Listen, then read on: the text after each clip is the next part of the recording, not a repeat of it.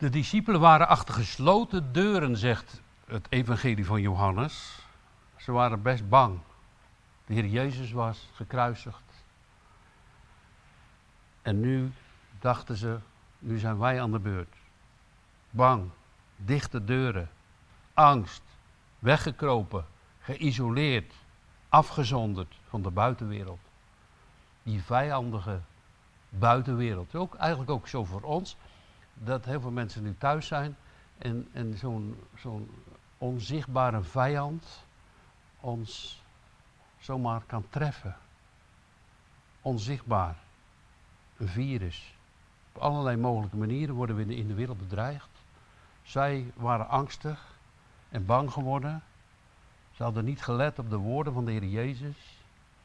En wij hier nemen maatregelen en proberen ook die virus te voorkomen, in het leven te blijven.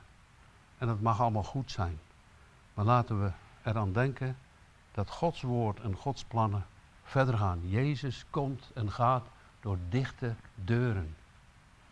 Hij is de Almachtige God. Hij is opgestaan uit de doden. En dat was voor de discipelen heel moeilijk om dat te geloven. Ze hadden wel gedacht, nu Jezus gestorven is en de haat, de boosheid die ze gezien hadden van de mensen, van de fariseeën en van de schriftgeleerden.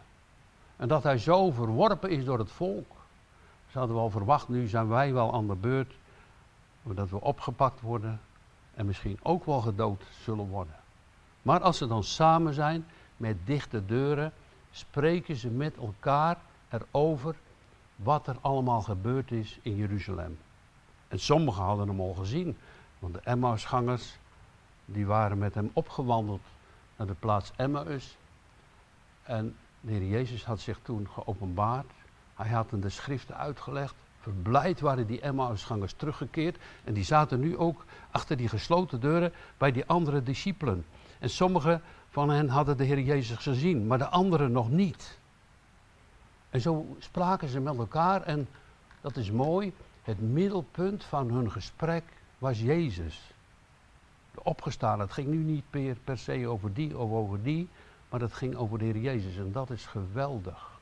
Als het middelpunt van je leven de Heer Jezus is. Als het middelpunt van je gesprek de Heer Jezus mag zijn. Dat was ook zo hier in, in, dat, uh, in dat huis met die gesloten deuren. En hoe zullen wij ook naar de ander toe het over kunnen brengen dat de Heer Jezus is opgestaan? Hoe zullen we dat doen? Dan hebben we, zoals de Heer Jezus dat hier in dit gedeelte laat zien, werkelijk zijn Heilige Geest nodig. We hebben zijn hulp en zijn kracht nodig. Anders dan hebben we allerlei woorden. We kunnen ook van alles bedenken, studie maken. Maar zonder de kracht van de Heilige Geest en zonder de opening van zijn woord. Ja, dat zien we echt in dit gedeelte. En daar gaan we samen ook verder over nadenken. Want toen de deuren gesloten waren en zij zeer angstig uh, en bevreesd werden toen Jezus binnenkwam, en Jezus riep, vrede zij u. Toen dachten ze dat ze een spook zagen. Een geest. Het kwam in hun gedachten op, hoe kan dat nou? Geest. En de Heer Jezus zegt tegen hen, waarom bent u in verwarring? En waarom komen zulke overwegingen in uw hart? Kijk eens naar mijn handen en naar mijn voeten. Ik heb het allemaal van tevoren gezegd. Toen ik bij jullie was. Wij lazen ook dit gedeelte aan tafel van de week een keer.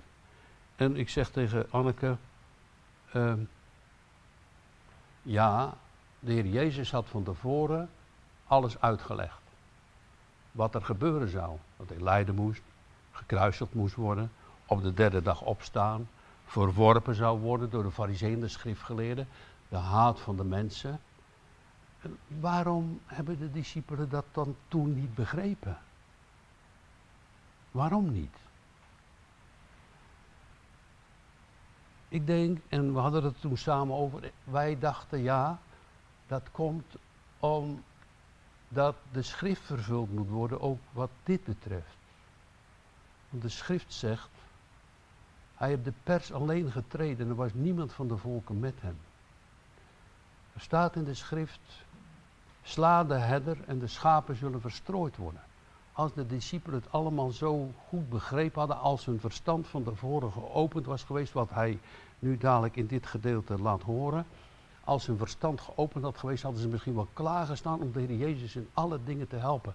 Maar zo mocht en kon het niet. Jezus heeft het werkelijk helemaal alleen gedaan. Dat is zijn eer. Jezus is de zaligmaker, maar hij alleen maakt ook zalig. Dat is geweldig. Daarom is er soms een deksel op ons hoofd, zoals bij de Joden, opdat de anderen zalig worden. Wat moeilijke gedachte voor ons, maar God heeft een plan. God liet het niet toe dat ze met z'n allen daarin mee zouden werken. Want dan zou Gods woord niet waar zijn.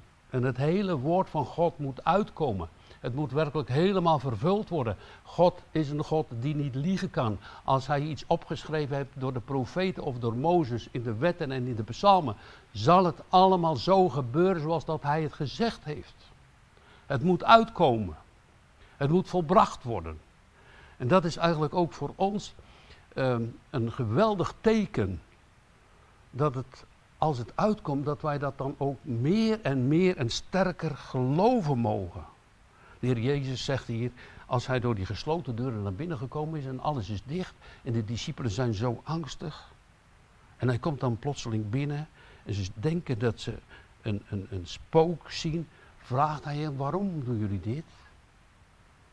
En dan laat hij zijn handen en zijn voeten zien. Kijk maar, zegt hij. Kijk, hier mijn doorboorde handen en mijn doorboorde voeten. En hij zegt, raak mij aan, tast mij aan tot ik het echt ben. En weet u, dat die tekenen van de Heer Jezus, dat is eigenlijk zijn identiteit. Die tekenen bij de Heer Jezus, die zijn nooit weggegaan en die zullen ook nooit weggaan. Wij zullen hem kunnen herkennen aan zijn doorboorde handen. Wij zullen hem erkennen aan zijn doorboorde voeten. Wij zullen hem erkennen door zijn doorstoken zijde. Johannes zag hem op Patmos uit Openbaring 5. Daar staat dat hij de Heer Jezus zag staande als geslacht. Als die grote God die het voor ons opgenomen heeft. Daarom, als de schrift zegt ehm, dat er vele valse profeten en valse christenen zullen opstaan, dan moet u maar op een paar dingen letten. Nou, die hebben geen doorboorde handen. Die hebben geen doorstoken zij en die hebben geen doorstoken voeten. Jezus wel. Een, een, uh, een, een bedrieger zal nooit deze dingen doen wat Jezus deed voor zijn volk. En als hij koning is, en als hij als koning heerst, en als hij de almachtige God geworden is, nou, als u zou zien en opmerken als iemand meer en meer en meer macht zou krijgen in de wereld. Als een hele grote macht hebben, er zijn er nu al een aantal. Misschien wordt dat nog wel heel sterker, zoals de antichrist zich dadelijk op gaat stellen. Zo'n machtig mens, dat is een potentaat, dat is vaak een tiran. Maar deze koning, deze Heer Jezus, die zorgt zo goed voor zijn volk. Hij is zo vol liefde, hij is zo trouw. Hij zal zijn woord helemaal nakomen, ook wat dat betreft. Die koning zal alles doen voor zijn volk. En alles doen tot eer en glorie van de naam van God. Hij heeft de naam van God niet door, door het slijk gehaald. Nee, hij heeft de heilige wet helemaal vervuld. Er is geen titel of jota achterwege gelaten. Helemaal vervuld door de Heer Jezus. Wat een machtig persoon. Het mag wel een geweldige eer geweest zijn voor de discipelen en voor allen die toen, terwijl Jezus nog veertig dagen over de aarde was, dat ze hem hebben mogen zien. Wat een geweldige eer. Dat ze hem mochten tasten, dat ze hem mochten horen spreken. Dat hij de dingen zei voor het koninkrijk van God. Wat een geweldige, een heerlijke tijd moet het op dat moment voor de discipelen geworden zijn. Hij is de opgestane. En als ze hem nu zo zagen en onbevreesd en verschrikt waren en door de dichte deuren gingen, hoe is dat dan mogelijk dat hij dat kon? Hoe is het mogelijk dat hij in zo'n verandering van de gekruisigde en dood was, opgestaan was tot het eeuwige leven? Hij is de man van victory, de grote overwinnaar. Hij is het middelpunt, zoals zijn stad Jeruzalem, het Sion, het middelpunt is van de aarde, is Jezus het middelpunt van de kosmos. Hij is de Curios, het middelpunt van een christen. Als dat niet zo is, dan moeten we iedere keer daar naartoe terug. Wij vallen soms in hoogmoed. Wij zijn in hoogmoed gevallen. Wij zijn aangeraakt door die vergiftige slangen in de wereld, door allerlei zonden en gebreken en ellende. En dat merkt u misschien thuis ook wel eens. En ik moet het ook vaak merken. Aangevallen, gebeten, vergif. Hoe wonderlijk mooi is het dan als je door het geloof vanuit de woorden van God op mag zien naar de gekruisigde Christus. Aan de voet mag komen van dat kruis. Om vergeving van je zonde te ervaren. Om zijn liefde en zijn trouw te ontdekken. Wie is Hij? Die Almachtige God. Wij willen hiermee ook de Vader danken, want Hij zond toch zijn Zoon. Hij wist het wel hoe ellendig wij eraan toe waren. Hoe wij onder de duisternis en de kracht van de Satan verloren, eeuwig verloren zouden gaan. Maar Hij overwint. Hij neemt ons mee. En Hij staat daar nog en roept de wereld toe. Met uitgebreide handen. Kom, kom tot mij. Allen die vermoeid en belast zijn. Ik wil u rust geven voor uw ziel. Ik wil u met, met mijn kracht en met mijn genade vervullen. En dan, dan lezen wij verder dat hij zijn handen en zijn voeten liet zien. En, en, en, en die wond in zijn zijde was er ook. En hij zegt, kijk maar, raak mij aan. Laten we het niet vergeten, ik herhaal het u nog een keer. De valse Christussen, de valse profeten zullen nooit zulke wonden en zulke tekenen hebben als Jezus heeft. We zullen hem herkennen. Niet alleen aan die wonden, maar ook aan zijn stem. We zullen zijn woord erkennen en zijn stem horen. En een vreemde zullen zijn kinderen niet volgen. Laten wij daar meer en meer op letten. En terwijl hij dit zei, liet hij hun de handen en de voeten zien. Ze waren toch wel helemaal in verwarring. Hè? Hoe is dat? Werkelijk? Is hij het? Is dat Jezus? Is hij opgestaan uit de doden? Hun meester? Is dan alles wat ze dachten dat ze kwijt waren toch niet waar? Is het werkelijk waar dat dit werk van God in die diepe vernedering van Jezus aan het kruis en die verlatenheid door alle mensen en die verlatenheid van God de Vader juist de redding is van hen en voor ons. Juist dat. Dat was onze plaats toch? Dat moest toch ons kruis zijn? Dat moest toch onze verwerping zijn voor eeuwig? Nee, zegt Jezus, ik voor u, daar u anders de eeuwige dood moest sterven. Nou, er staat dat ze het van blijdschap nog niet geloofden. Ze verwonderden zich. En toen zegt de Heer Jezus, ik zal het jullie nog laten zien op een andere manier. Hebben jullie wat te eten dan? En hij gaat met ze een maaltijd houden. Wat is dat mooi. Als de Heer Jezus, uh, als je met de Heer Jezus, of als met christen een maaltijd houdt en de gesprekken mogen gaan over de Heer Jezus. Zo mag het ook voor ons. Hij is opgevaren naar de hemel. Uh, de apostel Petrus heeft gezegd, kijk ja, die jullie niet gezien hebben en toch houden jullie van hem. Hoe kan dat? Dat is door de genade en door het licht en door het woord en door de kracht van de Heilige Geest. Wij hebben hem niet gezien, maar wij geloven in hem. Wij mogen op hem vertrouwen. Hij is onze Heere. Hij zal ons, ook in deze moeilijke tijd, begeleiden tot de dood toe. Daar mogen we geloven. Daar mogen we op vertrouwen. Daar mogen we ons aan vasthouden. Wij mogen op zijn belofte en op zijn woord, wat hij helemaal toen ook al vervulde en nog alle dingen zal gaan vervullen, hopen en vertrouwen. Ja, het Oude Testament stond er vol van. En dat gaat de Heer Jezus zeggen. Ze gaven hem dus een stukje te eten, een stukje vis, een honingraad. Hij nam het, at het voor hun ogen. Ze konden het zomaar zien. Een zichtbaar moment van de opgestaande Christus. En wij, geloven wij het ook? Dat hij leeft, dat hij opgestaan is uit de doden, dat hij ons ziet, dat hij het middelpunt is van heel de kosmos. Dus niet alleen van de aarde, maar ook van het hele heelal. Dat God hem heeft gegeven alle macht in de hemel en op de aarde. Nou, dat kunnen we geen eens begrijpen, zo groot als dat is. Hij spreekt en het is er een gebied en het staat er. Dadelijk komt er een nieuwe hemel en een nieuwe aarde. Hij zal de doden oproepen uit het graf. Wat een koning, wat een toekomst. Wat een woorden van God, wat een heerlijkheid heeft hij ons voorgesteld. En hij vraagt het aan ons. Vertrouw erop. Ik ben een God die niet liegen zal. Wil je tot mij komen? En we hebben het al vaker gezegd. Hoe kom je nou tot Jezus? We, we hebben dat op verschillende manieren gezien. Bij de koperen slang. We zagen het ook bij de broeders van Jozef. En ik vind toch die volgorde wel heel mooi. Het was toen ze bij die koperen slang gebeten waren, door de echte slangen en het vergif in hun lijf was, gingen ze hun zonde beleiden.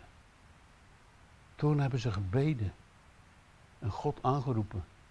En toen, toen hebben ze opgekeken naar die koperen slang zoals wij, met al ons verdriet en pijn en moeite, misschien de eenzaamheid thuis, op mogen kijken naar de Heer Jezus, de gekruisigde.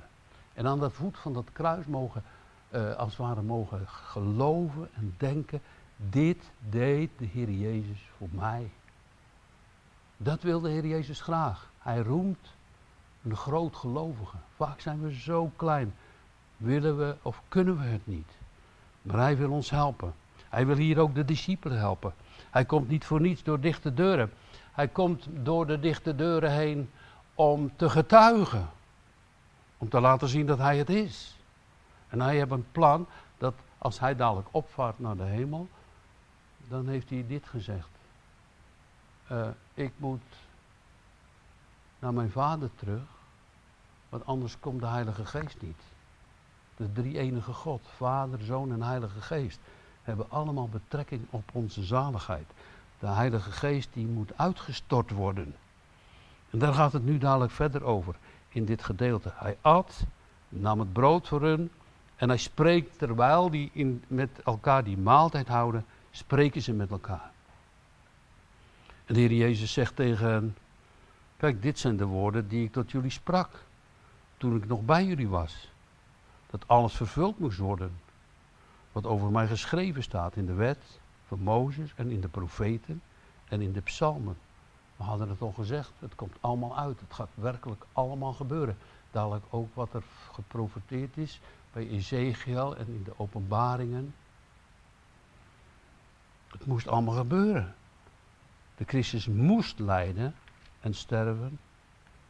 En dan staat daar die prachtige woorden, dat ze daar dan zitten, die discipelen, en hij dat dan allemaal noemt over het Oude Testament. En dan moet u niet denken dat ze zo dom waren dat ze dat Oude Testament niet hadden begrepen. Of, of, of nou niet begrepen, maar wel hadden gelezen. Ze wisten het wel, hoe het daar stond.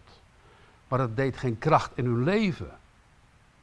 Ze hadden het wel gelezen. En zo kan je ook uh, als, als, als mens de Bijbel lezen. En je hebt het wel gelezen en je denkt, ja, maar je verstaat het niet. Wat is nou, daar nu de bedoeling van? Zo is de Bijbel toch een heel verborgen boek. De Bijbel die eerlijk is, die uitkomt, maar dat ook je verstand geopend moet worden om die woorden van God te verstaan. Want anders, je leest de Bijbel, misschien tegenwoordig doe je dat op een iPhone, maar dan is het voor jou eigenlijk maar gewoon een zwart scherm. Je ziet niet wat er bedoeld wordt. Dat hebben niet alleen de mensen nodig die weinig van de Bijbel afweten, maar dat hebben alle christenen nodig. En ik denk wel in het bijzonder de voorgangers. De opening van het woord. Want die worden opgeroepen om te getuigen. En waarvan moet je getuigen als je het woord van God niet verstaat? En het woord van God is zo groot en machtig dat we dat niet eens kunnen bevatten, wat daar allemaal staat. De Joden hebben wel voor één tekst 70 soorten uitleggingen. Er komen uit het heilig woord van God nieuwe en oude schatten voort. Steeds is het nieuw. En je hebt het gelezen en je hebt daar misschien over nagedacht. En je hebt daar misschien ook troost uit gehad. En even later lees je het nog een keer. Hé, hey, dat staat er ook in. Er staat nog veel meer in als dat ik dacht. Er staat een eeuwigheid in. Er staat een kracht in. Het is een goddelijk woord. Daarom liet God zo wijs in zijn heerlijkheid dat hij zegt ehm, dat hij de schatdrager is. Zo staat het in de, een van de zeven gemeenten. En de sleutel heeft. hij doet open en sluit. En zo is dat ook met het woord van God. Wat is het mooi als je een gedeelte leest en het wordt toegepast op jouw hart. Dat je er iets aan hebt. Dat je dus voedsel krijgt. Dat het manna is voor je leven. Wat is het prachtig als dat woord voor jou geopend wordt. Hier zegt de Heer Jezus. En toen staat er, toen opende hij hun verstand. Zodat zij de schriften begrepen. En dan, dan zie ik daarin voor mezelf en ik hoop ook voor u dat we voortdurend, we hebben een geweldige bron, een bron van liefde, een bron van wijsheid. God wordt genoemd raadsman, een bron van eeuwig licht. Dat hij ons verstand opent voor de heerlijkheid. We worden zo snel afgeleid door allerlei dingen, door allerlei media, reclames, woorden uit de wereld. En ons verstand wordt donkerder als we werelds leven. Ons verstand wordt donkerder en we zien minder van God als we de dingen van de wereld en de hoogmoed in ons hart en leven toelaten. Dan wordt het steeds donkerder. En we zien het niet meer precies hoe het is. En daarom is het nodig dat we aan, dat kruis, aan die kruispaal komen bij God. Om de opening van zijn woord om te verstaan wat hij bedoelt. Het zijn eeuwige woorden, het is een eeuwige kracht van God. Hij roept het uit. Ik voor u. Nou, we verstaan het geen we begrijpen hoe groot dat werk van God is. Hoe zijn gedachte over heel de wereld gaat. Hoe hij nu ook ons hart kent. We hebben het net wel gezongen, door grond mijn hart en ken mijn weg, o Heer. Maar hij kent ook onze weg. Hij wist wel dat de discipelen daar achter die gesloten deuren zaten. En daarom komt hij naar hen toe, komt door, dwars door die open deuren, door die dichte deuren heen. Hij zit bij hen. Ze hebben hem nodig, maar hij gaat hen dadelijk ook gebruiken. Hij, heeft, heeft niet, hij doet niet iets voor niets. Hij doet ook al die dingen voor zijn koninkrijk. Wij moeten en worden betrokken als zijn schepping, als zijn schepselen, om stenen te zijn van dat koninkrijk van God. Dat gebouw dat af moet. Hij gaat ons daarmee gebruiken. Want we hebben het vaker ook al gezegd, die hoeksteen, hè, dat fundament is Christus. En, en als je dan zo'n muur ziet met stenen, de ene steen die rust op de ander. Je hebt elkaar zo nodig. De, de een draagt de ander. We hebben elkaar nodig als broeders en zusters. En boven alles terug weer bij dat kruis. Dagelijks voedsel uh, er naar uitzien naar dat levende manna. Dagelijks opzien naar de bron des levens voor licht, voor genade, voor liefde, voor trouw, voor zijn woord, voor zijn kracht, voor zijn heerlijke naam. Alles is begrepen in die heerlijke naam van Jezus. Hij wordt genoemd Vader der eeuwigheid, vredevorst. Hij wordt genoemd raadsman, hij is een heerlijke koning. Ik, ik ga dat nog met u nog een keer herhalen.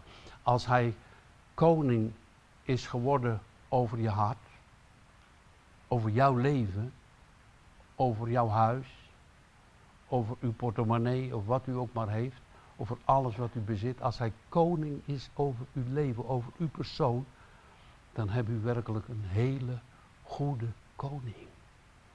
Een zorgende, een leidende, Een heerlijke koning die het werkelijk met u goed zal gaan maken. Vrees niet, zegt hij. Vredevorst. Zo kwam hij binnen bij die discipelen door die dichte deuren. Vredevorst. Voor jullie, terwijl jullie daar toch, als wij het zo zien, hij maakte er helemaal geen opmerking over in dit stuk, dat ze toch ongelovig waren. Dat hij die pers alleen getreden had. Maakte er totaal geen opmerking over. Alles moest vervuld worden, kinderen, zei hij. Het is eigenlijk zo dat uh, Johannes zegt het ook zo mooi, kinderkens hè, tegen zijn gemeente. Maar de Heer Jezus zegt het ook, dat hij de kinderen zegent. En als we niet worden als een kind, dan kunnen we dat koninkrijk van God niet ingaan. Zo ons te laten helpen, te laten leiden, ons te laten vervullen door zijn trouw en door zijn liefde. Hij staat gereed voor al zijn volk. En hij gaat dadelijk, hij gaat dadelijk de, het Joodse volk en zijn kinderen met zijn genade en met zijn licht en met zijn heil gaat hij bezoeken. Ze zullen hem zien. Ze zullen over hem huilen die ze doorstoken hebben. En wij mogen het ook doen. Wat hebben wij gedaan met onze zonden? Wat is deze koning en deze Heere groot? Wat is hij machtig?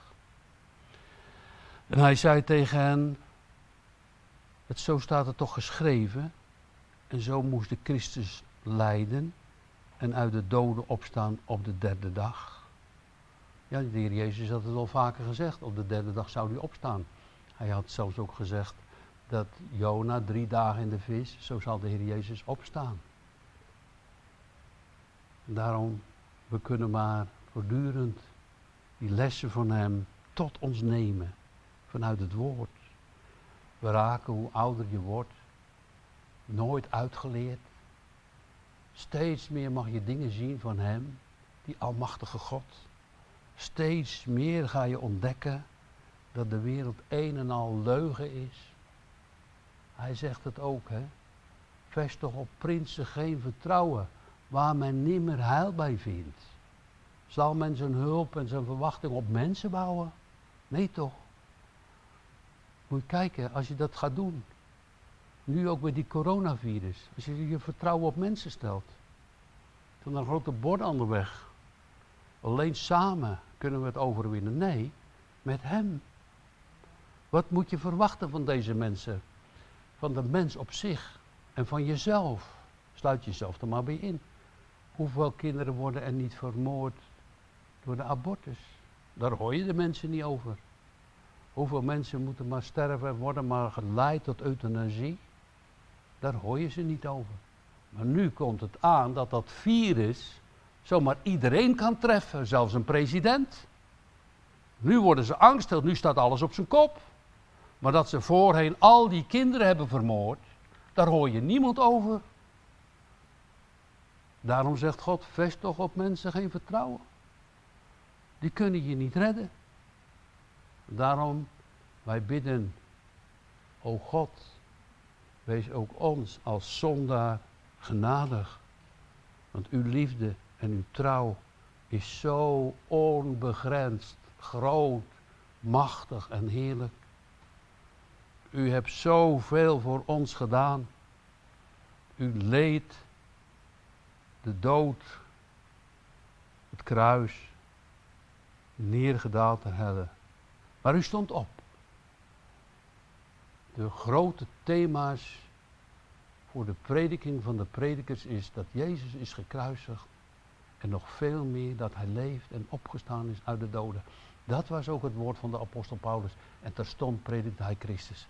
De gekruisigde die opgestaan is. En wij noemden u het al. De gekruisigde, waarom? Dat kunnen we weten aan zijn doorboorde handen, zijn doorboorde voeten en zijn doorstoken zijn. Daaraan zullen we hem herkennen. Daaraan zullen we weten.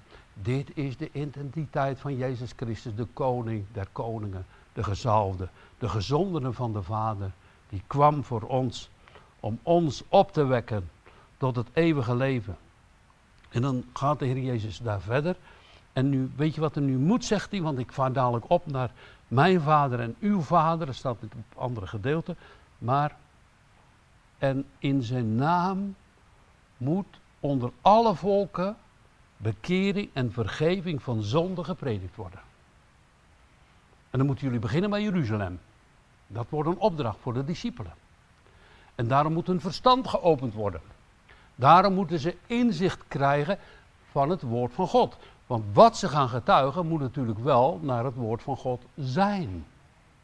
Het moet een kracht doen. Het moet tot eer en glorie van de naam van God zijn. Daarom opent hij hun verstand. Ze gaan daar getuigen, ze hebben het gezien. Maar het moet ook toegepast worden in hun hart.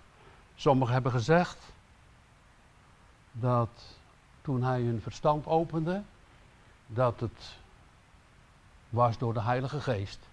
En toen hebben sommigen gedacht, nou, de Heilige Geest is toch later pas uitgestort. Ja, maar dit is al een werk van de Heilige Geest, dat hun verstand geopend werd. En ze moesten wachten, dat staat hier ook duidelijk bij. Ze moesten wachten dat de kracht van de Heilige Geest op de Pinksterdag in hen kwam. En de vrijmoedigheid als een gave van God door de Heilige Geest. Dat ze vrijmoedig gingen spreken van de Christus. Van de grote naam van God. Daarom hij moet onder alle volken gepredikt worden. Iedereen moet het horen.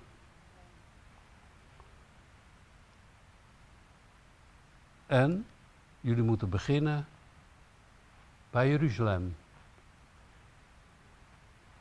Oh, ik dacht dat dit niet deed, maar dat doet het wel. Ze moeten beginnen bij Jeruzalem. Nou, heel apart, heel bijzonder. Jeruzalem was in die tijd je zou het maar zo kunnen zeggen, laten we ons alstublieft niet verheffen hier in Uden. Maar het was wel de goddeloze stad. Ze hadden hun meester gekruisigd, ze hadden hem verworpen, ze hadden hun eigen zaligheid daarmee weggegooid. En dan zien we werkelijk die vergevende liefde van God en de heerlijkheid van zijn naam. Jullie moeten beginnen bij Jeruzalem. Daar moeten jullie beginnen te prediken. Daar moet het woord van God kracht gaan doen. En er zijn er ook 3000 tot geloof gekomen, zelfs priesters en anderen. En Jozef van Arimathea en Nicodemus en alle anderen. En dan later nog meer en nog meer. En dan blijkt ook wel dat die angst van de discipelen wel terecht was. Want ze zijn bijna allemaal, ik denk allemaal wel, door het zwaard of op anderszins gedood. Petrus zelfs gekruisigd. Maar ze hebben hun leven maar gelaten in de dienst van God. Ze hebben hem gevolgd in zijn opstanding, maar dan ook gevolgd tot in het graf, om eeuwig bij hem te zijn. En ze sliepen in. Ze moesten beginnen bij Jeruzalem. Ze moesten vervuld worden met de Heilige Geest. Ze moesten getuigen. En die getuigenis gaat nog steeds door over de wereld. Die moet overal over de wereld gepredikt worden. Daarom ook in Uden, Vechel, waar dan ook maar in de wereld. God zendt zijn predikers uit. Het evangelie moet gepredikt worden. Van de naam van God, van die heerlijke koning. Er is verlossing, er is vergeving, er is zijn liefde. Er is een nieuwe hemel en een nieuwe aarde aanstaande die komen moet. Begin nu maar de Jeruzalem, waar vlakbij Jezus op de Olijfberg, dat is zo tegenover Jeruzalem, terug zal komen op de wolken naar de getuigenis van de engel die gezegd heeft, kijk, hij zal zo weer komen zoals jullie hem hebben zien heen gaan, zal hij terugkomen op de wolken. Het is zo voor de natuur van de mens en voor de gedachten van de wereld zo ongrijpbaar, zo onwezenlijk dat er een God in de hemel is. Dat hij de hemel en de aarde gemaakt heeft, de sterren en de zee en alles wat daarin is en ons geschapen heeft. En die aanval probeert de duivel op ons te werpen dat het allemaal maar bijzaak is. En dat het allemaal niet waar is. En dat er een evolutieleer is. En dat er niet een schepping is. En dat God er niet is. En ik dacht vanmorgen toen ik hier naartoe reed in de auto, als dat zo is, dan is alles te vergeefs. Als dat zo is, wat de mensen menen en zeggen, en God zo nu juist ook in deze tijd aan de kant kunnen laten staan. Als dat zo is, inderdaad, dan zeggen wij met de apostel Paulus, dan zijn we de ongelukkigste van alle mensen. Maar wij hebben onze verwachting en onze hoop gesteld op Hem. We zijn dankbaar voor Zijn woord. Het staat geschreven. Jezus is dat woord. Het is vast. Het heeft een kracht. En die kracht is zich gaan openbaren in die discipelen. Hun verstand werd geopend. Hun hart wordt dadelijk met de uitstorting van de Heilige Geest bereid gemaakt om tegen alle dingen en woorden in van de antichrist en van de discipelen en de fariseeën en de schriftgeleerden het evangelie te gaan prediken. En wat wordt er gepredikt? Alle volken dat ze zich bekeren. De ongelovige moet tot geloof komen. Hij zei, ja maar ik heb het niet. God wil het je zo schenken. Het geloof is een gave van God. Daarom mag je smeken en bidden om genade, bekering en dat je zonden vergeven worden. En, en dat is het wat, wat zo eigenlijk zo voor ons zo gemakkelijk is, maar ook vaak zo moeilijk is. De vergeving van uw zonde, zo staat het, dat wij gerechtvaardigd worden door het geloof in Christus. In het offer van Jezus Christus die voor ons geleden heeft. Wij zien Hem als onze heerlijk borg, middelaar en ook als advocaat. En dan mag je weten naar de Heilige Schrift, ook uit de Romeinenbrief, dat door het geloof onze zonden vergeven zijn. Zo makkelijk, het is al gebeurd, het, is, het ligt klaar. Geef ons die genade, geef u de die genade, zodat ze zich vast zullen houden aan u, de Heer Jezus. En, en de Heer Jezus zegt, jullie zijn getuigen, want jullie hebben dat allemaal gezien. En nu is je verstand geopend en nu weet je hoe het in elkaar zit en hoe je het dadelijk ook gaat vertellen. En dadelijk zou je het met kracht gaan vertellen. Dus ons verstand moet verlicht worden. Wij moeten meer en meer afstand nemen van de wereld om dat licht te ontvangen. Duisternis en licht gaat niet samen. Want uh, de mensen hebben de duisternis liever gehad dan het licht. Nou, dan krijg je het licht van God niet. We moeten ons daarvan afkeren en ons omkeren naar het licht. Omdat we zijn grote en heerlijke naam zullen gaan beleiden en hem getuigen onder de volken. Jullie zijn getuigen, jullie hebben het allemaal gezien. Jullie verstand is nu geopend. En dan zegt hij, en ik zend de belofte van mijn vader op jullie. Heerlijke belofte. Dan hoef je niet, als je in zijn dienst geplaatst wordt, ook met muziek of wat je ook maar doet, je hoeft niet alleen te gaan. Hij is bij je. Als je een ouderling mag zijn, hier van onze kleine gemeente, je hoeft het niet alleen te doen. Je mag zeggen, vader, vervul mij met uw geest, help mij. Dat is voor de vrouwen en de kinderen, voor de zondagschool, voor het hele werk wat hier gebeuren mag. Heren, help ons, want we hebben u nodig. Dat is dat mooie lied. Ik heb u nodig. Elk ogenblik. Elk moment heb ik u nodig. Zo mooi.